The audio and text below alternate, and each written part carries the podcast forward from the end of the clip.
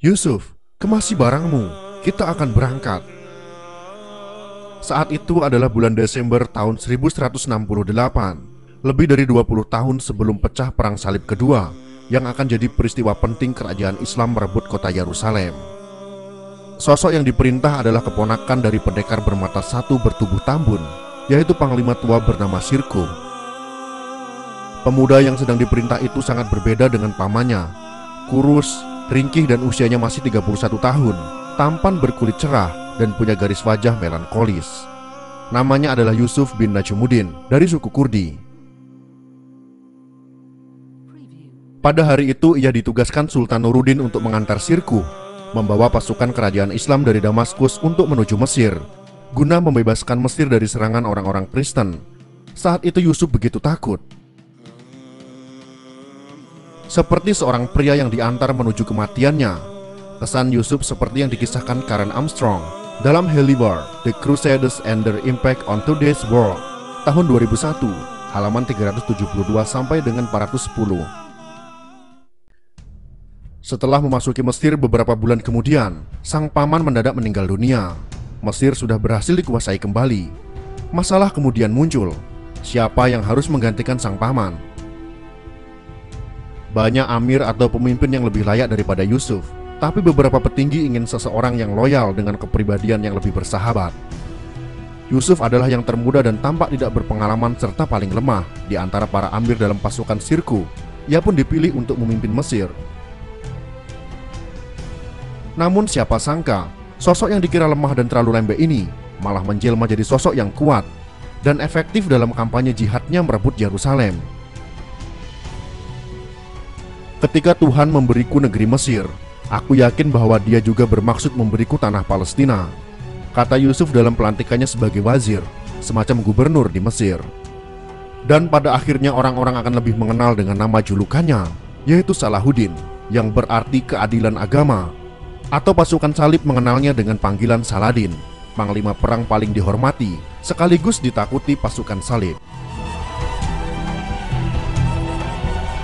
Salahuddin tidak mendapatkan tahtanya begitu saja, ia lebih dulu harus bersih tegang dengan Sultan Nuruddin yang memberinya perintah beserta pamannya saat ia masih muda dan begitu polos beberapa tahun sebelumnya.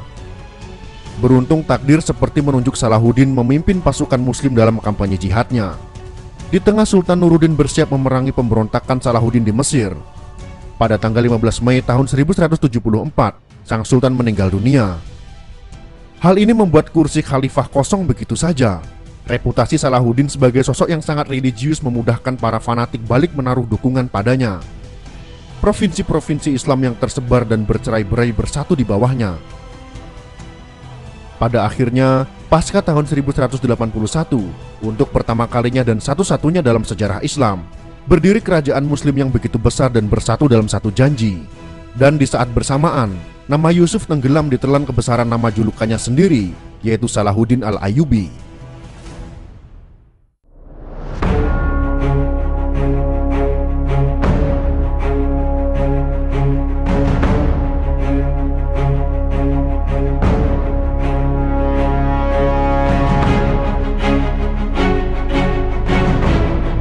Dalam salah satu pertempuran paling dahsyat dalam Perang Salib Jilid kedua, ada kisah yang terus menjadi gambaran pasukan salib betapa mengerikannya pasukan Salahuddin di tanah Palestina.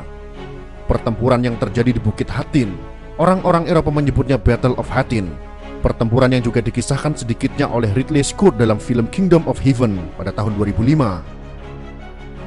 Pertempuran yang bahkan jauh lebih dahsyat dari upaya perebutan kota Yerusalem sendiri beberapa bulan kemudian Pasukan salib saat itu dipimpin oleh Guy de Lusignan, seorang fanatik yang menjadi Raja Yerusalem setelah kematian anak Sibila, Raja Baldwin V yang menggantikan pamannya, Raja Lepra Baldwin IV yang dikenal sangat bijaksana. Guy sangat berambisi menghabisi pasukan kafir dan yakin bahwa serbuannya ke Tiberias, yaitu tempat mukim pasukan Salahuddin, adalah takdir dari Tuhan. Pertempuran Hatin juga sempat mengubah persepsi mengenai Salahuddin yang dikenal welas asih pada musuhnya.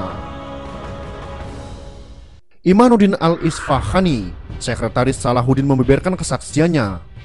Pada hari itu, aku menyaksikan bagaimana Salahuddin membunuh kaum tak beriman untuk memberi napas bagi Islam. dan menghancurkan politeisme untuk membangun monoteisme. Adalah Reynold of Chatillon, tangan kanan Guy sang raja Yerusalem, yang membuat Salahuddin berubah jadi sosok yang sangat kejam.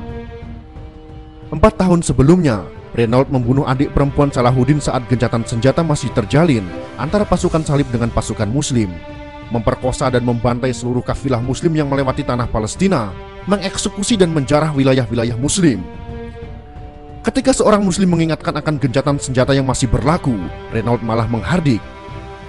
Biar Muhammad kalian datang dan menolong kalian, seolah belum cukup memprovokasi Salahuddin. Renault juga memiliki rencana akan menyerang kota suci umat Islam yaitu Mekah. Rencana yang kelewatan ini justru memberikan kekuatan berlipat dari pihak pasukan muslim semua kabilah-kabilah kemudian bersatu di bawah panji Salahuddin dan menghilangkan perselisihan masing-masing. Salahuddin pun bersumpah, Aku akan membunuhnya dengan tanganku sendiri. Itulah sumpah Salahuddin.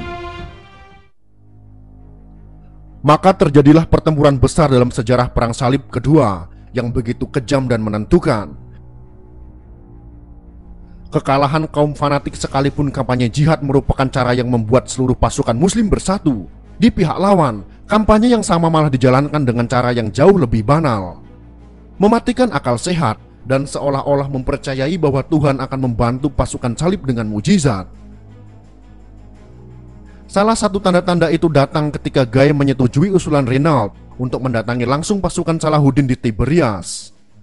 Para kaum fanatik buta itu mengabaikan penalaran militer, memburu pasukan Salahuddin di tempat terbuka dan bukannya menunggu di balik tembok kastil kota Yerusalem. Bersama 20 ribu pasukannya, Guy dan Renault menyeberangi lembah-lembah Galilea dalam musim panas yang terik, terbebani dengan baju zirah mereka yang berat. Salahuddin walaupun seorang yang sangat religius, adalah panglima militer dengan kecerdasan strategi luar biasa. Ia tahu bahwa akses air adalah penentu jalannya pertempuran kali ini. Salahuddin membendung persediaan air dan mengeringkan banyak mata air memerintahkan pasukan pemanah grup kecil untuk mengincar tentara musuh yang terpisah dari rombongan. Para pasukan salib akhirnya setengah gila karena kehausan. Pada akhirnya mereka sampai ke Laut Galilea dalam keadaan kelelahan dan baru menyadari bahwa satu-satunya sumber air adalah tempat di mana perkemahan pasukan Salahuddin berada.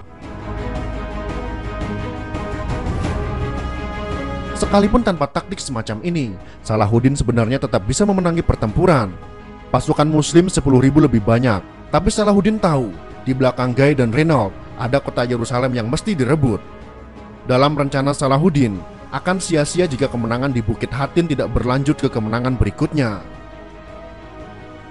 Dalam kondisi lelah dan dehidrasi yang luar biasa Pasukan salib beristirahat di Bukit Hatin Sorak-sorai pasukan Salahuddin sudah terdengar dari kejauhan, menunjukkan betapa siap pasukan Salahuddin menyambut kemenangan yang bertepatan pada tanggal 26 atau 27 Ramadan. Hari suci umat muslim yang pada akhirnya diperingati oleh Salahuddin sebagai malam nuzulul Quran. Hari pertama kalinya ayat Al-Quran turun ke dunia. Pada akhirnya saat Fajar tanggal 4 Juli tahun 1187, Berangkatlah pasukan Salahuddin menyerbu Bukit Hatin tempat pasukan salib berkemah. Mengalahkan begitu telak dan hanya menyisakan sedikit dari mereka. Beberapa baron dan kesatria memang ada yang lolos dari kepungan pasukan Salahuddin. Beberapa di antaranya adalah Balian de Ibelin Sosok yang akan memimpin milisi dan tentara rakyat Yerusalem mempertahankan kota dari pasukan Salahuddin beberapa bulan kemudian. Setelah pertempuran usai, Salahuddin membawa dua tawanan yang paling berharga ke dalam tendanya, yaitu Raja Guy dan Renault, dua pria yang sangat kelelahan sekaligus kehausan.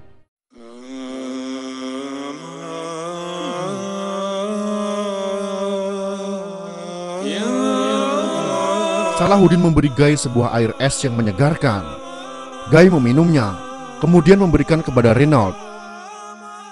Sudah dalam tradisi Arab, bahwa seorang tuan rumah tidak boleh membunuh lelaki yang ia beri makan dan minum.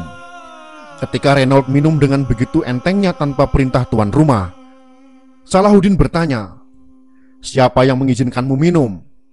Renault cuma bergeming.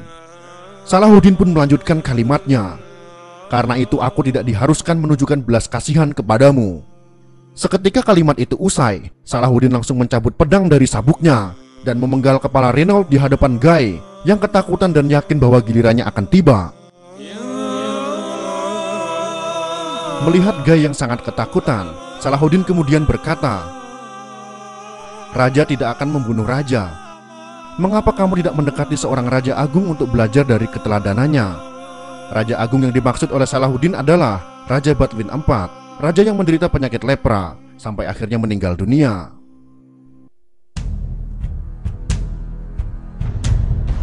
Dan pada akhirnya, Yerusalem dapat ditaklukkan oleh Salahuddin bersama dengan umat Islam. Jadi itulah kekejaman yang ada pada sisi Salahuddin.